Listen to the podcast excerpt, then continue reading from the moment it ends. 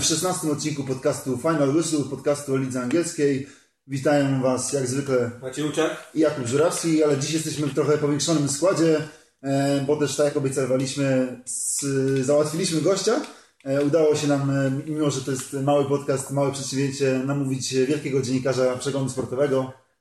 Michał Gutka, witam. Michał Gutka jest z nami i też przypadkiem e, spotkaliśmy redaktora serwisu Balso Hard, e, fanatyka amerykańskich sportów, ale też, e, jak się okazało, posiadająca ogromną wiedzę o lidze angielskiej, fana futbolu, czyli Adriana Pudło. Dzień dobry, witam serdecznie. I zaczynamy z podsumowaniami sezonu od tego, co na szczycie tabeli. Jako, że o Leicester powiedzieliśmy chyba już wszystko w tym sezonie, w cudzysłowie, pierwszym sezonie nagrywania Final Whistle, to zejdziemy szczeble niżej i, i zaczniemy od e, północnego Londynu, gdzie Arsenal i Tottenham e, miały sezony i dobre, i złe. I dzisiaj sobie powiemy chwilę o tym e, właśnie, kto miał gorszy ten sezon, albo kto może być bardziej rozczarowany z końcowego wyniku. Moim zdaniem jednak, mimo że Arsenal zakończył ten sezon wyżej w tabeli, to bardziej może być rozczarowany przebiegiem. Wicemistrzostwo wygląda fajnie na papierze, ale tam była masa straconych punktów, wiele meczów, które no, w ogólnym rozrachunku teraz można powiedzieć, że zaprzepaściły szansę na mistrzostwo, a to był też cel y, przed sezonem i głośno się mówiło o tym, że Arsenal poważnie będzie się o tego mistrza bił. I przy całej niedyspozycji największych rywali zawalił chyba najlepszą szansę od 10 lat na tytuł i sprzątnęło mu go Leicester. Dlatego uważam, że no, tą tabelą bym się nie sugerował na tyle, bo Tottenham zrobił wynik chyba ponad oczekiwania, a Arsenal jednak y, celował wyżej. A ja uważam, że Tottenham apetyt rośnie w miarę jedzenia. Tottenham był w pewnym momencie bardzo blisko. Wydawało się, że jest w stanie dogonić Leicester. Tym że terminarz miał w miarę sprzyjający. Natomiast e, Arsenal jakby się pod koniec e, obudził. Pod koniec sezonu gdzieś tam wyskoczył, walczył. Jeszcze wyda- wydawało się przez moment, że może nie awansować do Ligi Mistrzów. Także to drugie miejsce to i tak jest coś w trakcie sezonu. Okazało się coś powyżej oczekiwań. Myślę, że niewielu kibiców Arsenalu okolicach marca myślało o tym, że Arsenal może być drugi na koniec sezonu, wyprzedzić City czy Tottenham, a udało się. Natomiast Tottenham wierzyło w mistrzostwo, mieli potencjał, żeby wyprzedzić Leicester, bo to nie był wyścig z jakimiś potęgami, tylko wyścig z Leicester. Także e, mogą być rozczarowani tym, na którym miejscu ostatecznie skończyli i tym, że tego mistrzostwa udać, nie, nie, nie udało się zdobyć, bo o ile Arsenal co roku nie walczy i to jest tak, że byli najbliżej od 10 lat i tak dalej, mieli wielką szansę, tak Tottenham, no, dla nich to byłaby wielka, wielka rzecz. Nie, nie biją się o mistrzostwo raczej, więc y, no być może życiową, życiową szansę zmarnowali. No więc właśnie pytanie, czy pod tym względem nie jest to większe rozczarowanie, skoro zmarnowali życiową szansę, nie wiadomo, możemy przewidywać, że za rok te potęgi, które miały słaby sezon w tym sezonie, e, to jednak wrócą do swojej normalnej dyspozycji i Tottenhamowi będzie zdecydowanie, zdecydowanie trudniej. Natomiast zgodzę się mimo wszystko, że oczekiwania na początku sezonu, bo do nich Pan raczej się odwoływał, były co do Arsenalu e, wyższe i jako, że śledzę tą drużynę od, lat, e, możemy powiedzieć oficjalnie, że, że jej kibicuję, to, e, to jestem zdecydowanie bardzo, bardzo rozczarowany. No to właśnie wszystko zależy od tego, tak jak powiedziałeś, co bierzemy pod uwagę, czy to oczekiwanie sprzed sezonu, czy to, co na przykład działo się w okolicach marca czy kwietnia, bo, bo tak jak Adrian powiedział, Tottenham miał bardzo sprzyjający terminarz i, i jak się patrzyło na to, z kim będą grali w ostatnich kolejkach, to tam był wielki potencjał na to, żeby, żeby gonili Leicester, natomiast oni nie dosyć, że nie, nie zdobyli mistrzostwa, co już samo w sobie pewnie było jakimś tam rozczarowaniem, to jeszcze dali się w frajerski sposób y, wyprzedzić Arsenalowi. To, to może taka mała rzecz, bo, bo tak naprawdę między drugim a trzecim miejscem nie ma wielkiej różnicy. Y, Oba zespoły będą miały pew- pewną grę w Lidze Mistrzów. Oba nie zdobyły y, tego najważniejszego trofeum, ale, ale pewnie to gdzieś też ma znaczenie dla, dla kibiców Tottenhamu zakończenie ligi przed Arsenalem, szczególnie, że nie, nie, nie zdarzyło się to od wielu, wielu lat, odkąd Wenger jest, y, jest trenerem Ars- Arsenalu i i to może jeszcze dodatkowo rozczarowywać, bo, bo gdyby oni w jakichś takich normalnych okolicznościach byli na trzecim miejscu, to, to wtedy bym nie miał kompletnie y, problemu z tym, żeby stwierdzić, dla kogo był to gorszy sezon, dla kogo większe rozczarowanie. Natomiast no, ta końcówka, fatalna końcówka, gdzieś tam te, te szale chyba minimalnie nawet na, na rzecz Tottenhamu przewyższy.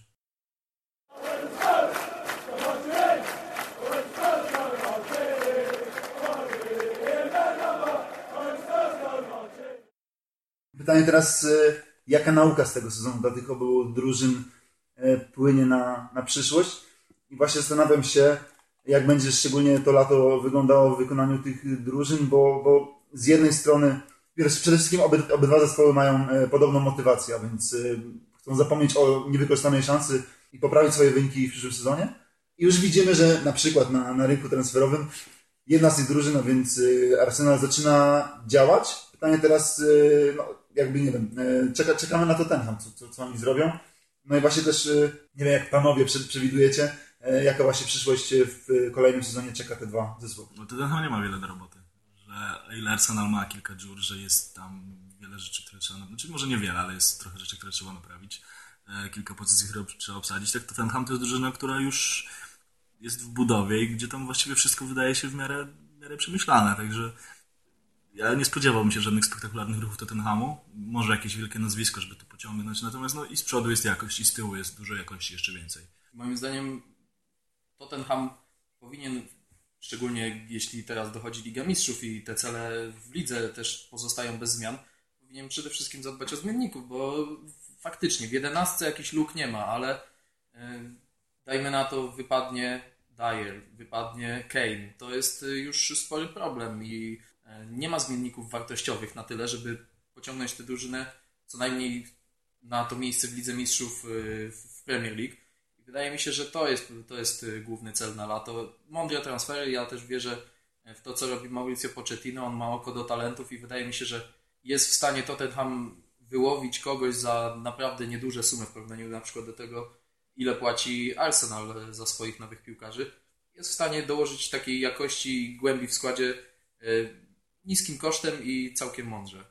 Pozostaje kiedyś zadane, e, prze- prześmiewane już teraz e, pytanie, czy można wygrać ligę dzieciakami, bo tak to w tym momencie wygląda, że e, no mówisz, że, że Pochettino ma oko do juniorów i, i tych juniorów rzeczywiście wprowadził do Tottenhamu.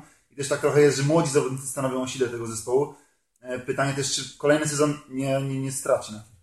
Wiesz, ty powiedziałeś, że, że Tottenham na razie dużo roboty nie wykona. Ja mam wrażenie, że zrobił ten najważniejszy i przedłużył kontrakt z Pochettino, bo, bo gdyby jego stracili, a wiadomo, że były pod, podchody pod, pod trenera Tottenhamu, to to byłby główny problem.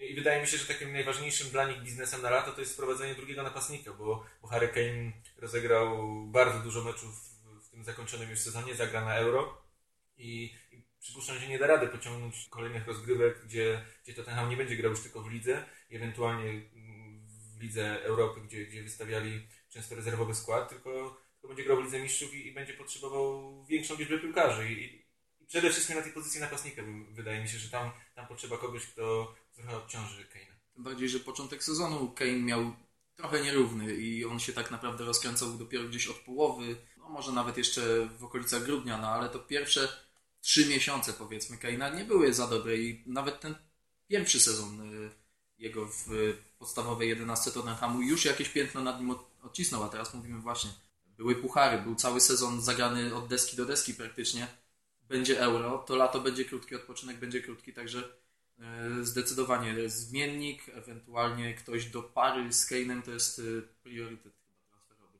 Tak, bo tam często też było widać, yy, nawet kiedy Tottenham musiał gonić wynik czy przegrywać, że, no, że nie było tego wsparcia drugiego napastnika. Tam, tam są różni zawodnicy formacji ofensywnej, którzy mogli wchodzić, ale czy oni dawali tyle jakości na, na mistrzostwo Premier League, to, to, to, to miałbym wątpliwości. To co, jakiś doświadczony 30-paroletni, który tam pogodzi się z rolą rezerwowego, wchodzącego na kwadrans albo grającego raz na tydzień, czy jakiś młody, który Nie wiem, myślę, że odwrotnie ktoś taki, kto będzie mógł się tam rozwijać, zresztą to chyba jest... Yy, A to z myślą Lidze, Lidze Mistrzów jakiś junior, czy 19-latek, czy, który będzie to rozwijał swój talent nie grając, no nie wiem, czy to no bo kiedy miałby się sprawdzać? W Pucharze Anglii? Pucharze ale Ligi? nikt nie mówi o, o 19-latku czy 18-latku, który No będzie juniorem, natomiast są utalentowani napastnicy, którzy, dla których Tottenham będzie atrakcyjnym miejscem do gry i którzy po pierwsze Nazwiska, Maciek, nazwiska. które gwarantują Ale nie, ale, nie, będą- ale, nie, ale nie, będą, nie będą grali. No. Też Kary Harry Kane to jest taka postać, że jeżeli zostanie, to zostanie tam pewnie jeszcze z rok, dwa. E, Trudno go wygryźć, właściwie wydaje mi się to zadanie niemożliwe, zadaniem niemożliwym. Jest młody, więc nie, nie trzeba wcale ogrywać nikogo młodszego w imię czegoś tam. Ale już Także- młodszy właśnie jest, bo Pochettino przecież ściągnął e, napastnika z Olimpii Lyon. Fakt, że, że kontuzję połowa sezonu. Natomiast taki młodziak, powiedzmy, do wprowadzenia w tym składzie już jest. Znaczy, dla- dlatego ja uważam, że jeżeli myśleć w kontekście Ligi Mistrzów i tak dalej, to to powinien być doświadczony zawodnik, już ograny, sprawdzony, który pogodzi się z tym, że jest gdzieś tam... nazwiska. Adrian. Znaczy nie, nie tyle, Ibrahimowicz. nie tyle nazwiska, no to Ale to byłby my, myślę raczej o, roli, jaką mógłby pełnić. Tak jak swego czasu Berbatov przychodził do Manchester United, tak? On też przychodził w, w, ramach, czy miał być jakimś tam, tak, zawodnikiem, który wesprze drużynę, jak będzie tam za dużo meczów, wejdzie czasami i tak dalej. Że ktoś taki, tego, tego typu piłkarz. E, czyli zasłużony, doświadczony, natomiast no nie żadna gwiazda, bo żadna gwiazda nie zgodzi się być, e, siedzieć na ławce Myślę też, że na wielką gwiazdę to Tottenhamu teraz nie stać. Nie wyobrażam sobie, żeby mm -hmm. użyli 40 czy 50 milionów i kupili akurat napastnika, nie w momencie, w którym rozpoczną niedługo budowę stadionu i, i to chyba nie jest taki sposób działania e, Mauricio Pochettino. Mieć choćby takiego Negredo, to e, on się oczywiście nie sprawdził w e, City, natomiast mieć takiego człowieka na zasadzie, że sobie gdzieś tam jest i jest alternatywą. Napastnik, który nastrzelał kilkadziesiąt goli przez kilka sezonów w ligach właśnie typu Hiszpania, Niemcy, myślę, że jest spokojnie w zasięgu w zasięgu Tottenhamu. Mi tak drepcze po głowie pomysł z klasem Janem Huntelarem, zawodnikiem, który strzela sporo goli. Prawdopodobnie nie zostanie w szalkę i to jest piłkarz, który mógłby pogodzić się z rolą takiego doświadczonego zmiennika dla Keina, który w trudnych momentach może dać jakąś nadzieję, może nawet odwrócić losy meczu i nie kosztowałby przy swoim już bagażu i, i, i wieku, nie kosztowałby tak wiele, jak tutaj mówiliśmy. To nie byłby zawodnik który kosztowałby kilkadziesiąt milionów funtów. Y, a myślę, że ktoś właśnie tego typu by się sprawdził. To ciekawy bardzo pomysł. Natomiast w ogóle naszła mnie taka myśl przy okazji dyskusji o napastnikach, że dziś ten rynek napastników w ogóle na, na rynku transferowym jest y, dość okrojony. Tak. Mam takie wrażenie, że te zespoły, które rzeczywiście aktywnie szukają napastników, czyli mamy Arsenal, to ten ham potrzebuje napastnika, choć może, może nie takiego na takim poziomie jak Arsenal, tylko bardziej zmiennika. Manchester United e, wiadomo, że, że szukają dziewiątki dla siebie. PSG pewnie będzie szukało dziewiątki dla siebie. Nie wiadomo, czy Cavani potrafi unieść e, brzemię po, po, po Ibrahimowiczu, jak go zabraknie. No i właśnie zastanawiam się, gdzie to wszystko, gdzie ci wszyscy napastnicy poszli. I rzeczywiście jest, jest w tym dość e, spory, spory problem.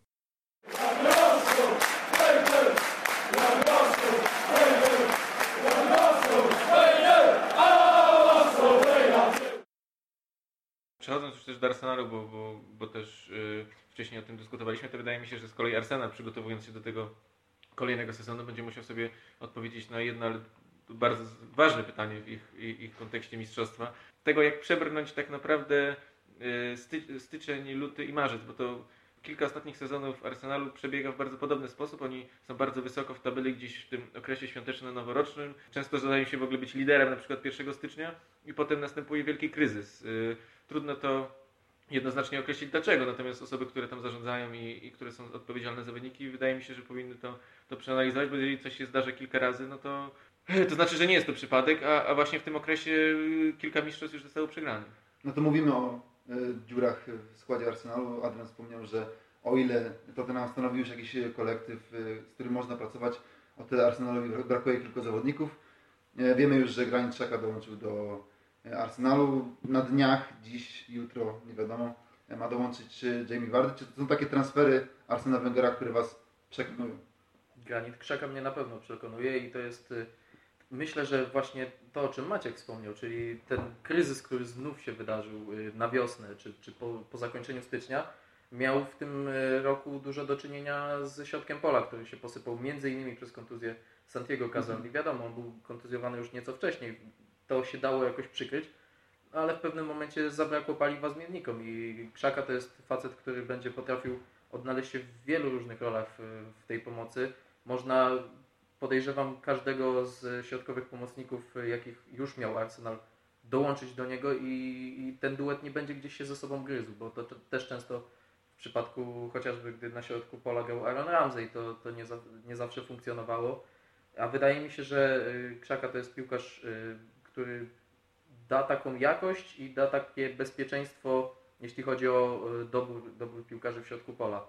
E, co do innych transferów, no, zapowiadany Wardy, no to byłby całkiem ciekawy ruch i taki pstryczek w nos e, Leicester, które no, wydarło tego mistrza Arsenalowi, a teraz Arsenal jednak napręży mózgu i powie, że no słuchajcie, wy możecie zdobywać mistrzostwo, ale wasz najlepszy strzelec, najlepszy, czy może najlepszy nawet zawodnik przechodzi do nas i, i osłabia to morale takiego zespołu, który dopiero co był lepszy.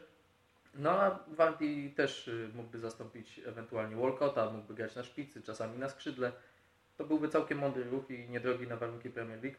No mi brakuje jeszcze jakiegoś y, klasowego środkowego obrońcy myślę, że to są te największe luki. To już by naprawdę pozwoliło już tak naprawdę na serio wreszcie po tylu latach walczyć o to mistrzostwo powodzeniem.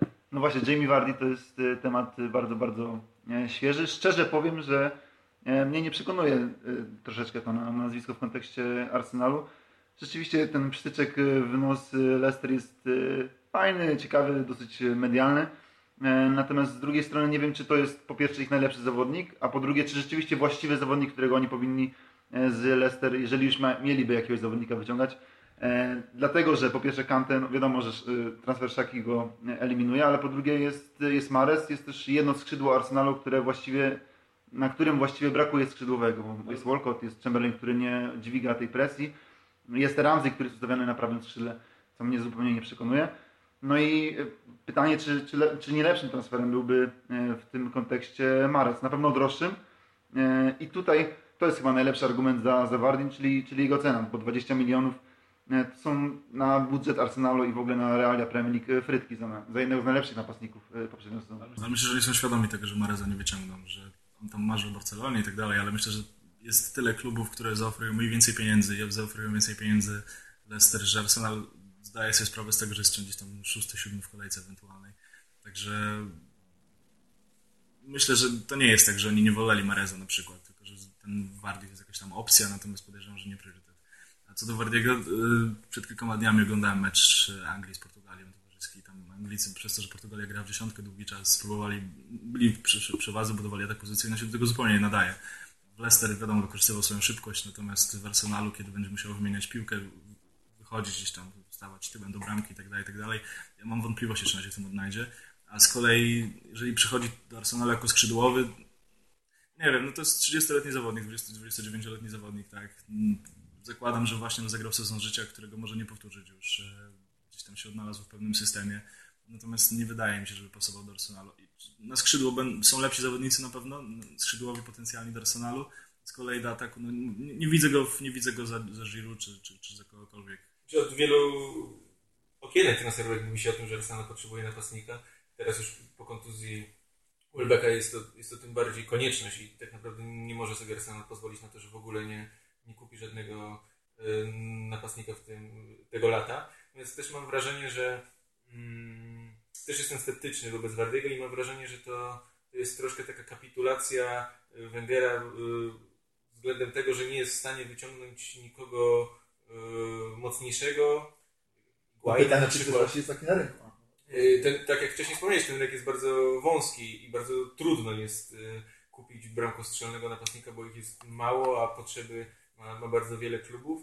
Yy, natomiast wydaje mi się właśnie, że, że może to być jakaś opcja krótkoterminowa, ale też nie za bardzo spodziewam się, żeby ona, ona wypaliła, bo pytanie też jakiej roli on ma przyjść, czy to będzie zmiennik dla Giroud, czy, czy to czy Wenger widzi w pierwszego napastnika, który zastąpi Giroud, bo on na skrzydle sobie go nie wyobrażam. To jest niestety zawodnik, który chyba e, nie będzie aż tak e, nie będzie mógł grać na, na lewym, na prawym skrzydle, nie za bardzo sobie go tam wyobrażam. Tak jak Adrian wcześniej wspomniał, e, występował tam podczas meczu Anglii z, z Portugalią i wyglądało to, to dosyć średnio. Wcześniej też grał w, w reprezentacji, zdarzało mu się grać na skrzydle i też nie przekonywał w reprezentacji zagrał na skrzydle kilka dni przed meczem z Portugalią, w meczu z Turcją. Akurat tam spisał się dobrze, tylko to jest y, też wynik tego, o czym wspominacie. Tam był trochę in, to był inny mecz. Tutaj Portugalia y, broniła się, grała w dziesiątkę. Ten atak Anglicy musieli budować mozolnie, pozycyjnie. Meczu z Turcją ten, y, to spotkanie było dużo szybsze, bardziej otwarte. Turcy też nie przyjechali się bronić i Wardi występował w tym meczu na skrzydle i nie spisał się wcale źle. Także to też no dużo zależy od tego, gdzie Wenger go widzi, ale mimo wszystko to jest e, ciekawy ruch i wiemy o tym, że jeżeli Arsenal chciałby napastnika klasy Iguaina, Aubameyanga, odlatując w chmury Lewandowskiego i tak dalej, i tak dalej, to jak w tym filmie, no jego trzeba nadpłacić, przepłacić i tak dalej, a ruch za 22 miliony funtów, nawet krótkoterminowy, to nie jest ryzyko i to jest moim zdaniem więcej Arsenal może na tym zyskać niż stracić. Znaczy, jest to też na pewno pokazanie tego, że skoro Wardy przyjdzie, to znaczy, że faktycznie nie da się wyciągnąć nikogo wyżej, bo yy, Myślę, Zależy, że jak- zdecydowałby się Węgier na taki ruch, jeżeli byłaby możliwość Znaczy, wprowadzenia ja myślę, Moraty, czy Aubameyanga, czy Ja myślę, że tak trochę, żeby się kibice odczepili, że tak powiemy kolokwialnie. W sensie sprowadzili tam wcześniej Sancheza, Ezila, jakby mówiłeś przez wiele lat Arsenalu, że nie sprowadza gwiazd, że Wenger stawia na dzieciaki i tak dalej, że nie, nie ma głośnych nazwisk. Jest w miarę konsekwentny teraz od dwóch czy trzech lat. Zawsze tam jedna gwiazda jakaś tam pojawia się w Londynie. E, I myślę, że Wardy też może być taka odpowiedź na potrzeby kibiców, którzy wiele zrzucali Węgrowi w czasie tego sezonu, że, że, że, wciąż skład jest nie taki.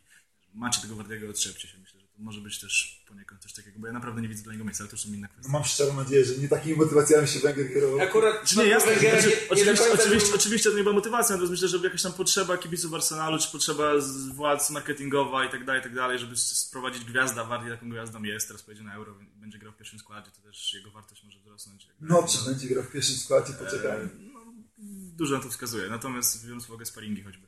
Natomiast no, jest to głośne nazwisko, jakby nie było i Węgier może dalej sprowadzać tam szakę i młod- młodych chłopaków na różne pozycje, których potrzebuje robić swoje, ale jakby co, to mamy tego Wardiego, więc tak, zrobiliśmy coś, żeby się przybliżyć do mistrzostwa. Tak, tak, tak, tak to co mi się najbardziej podoba w tym trans- transferze, to, to o czym się dzisiaj pisze na Twitterze w kontekście tego e, ruchu, że to jest taki lepszy e, Walcott do, do tego składu.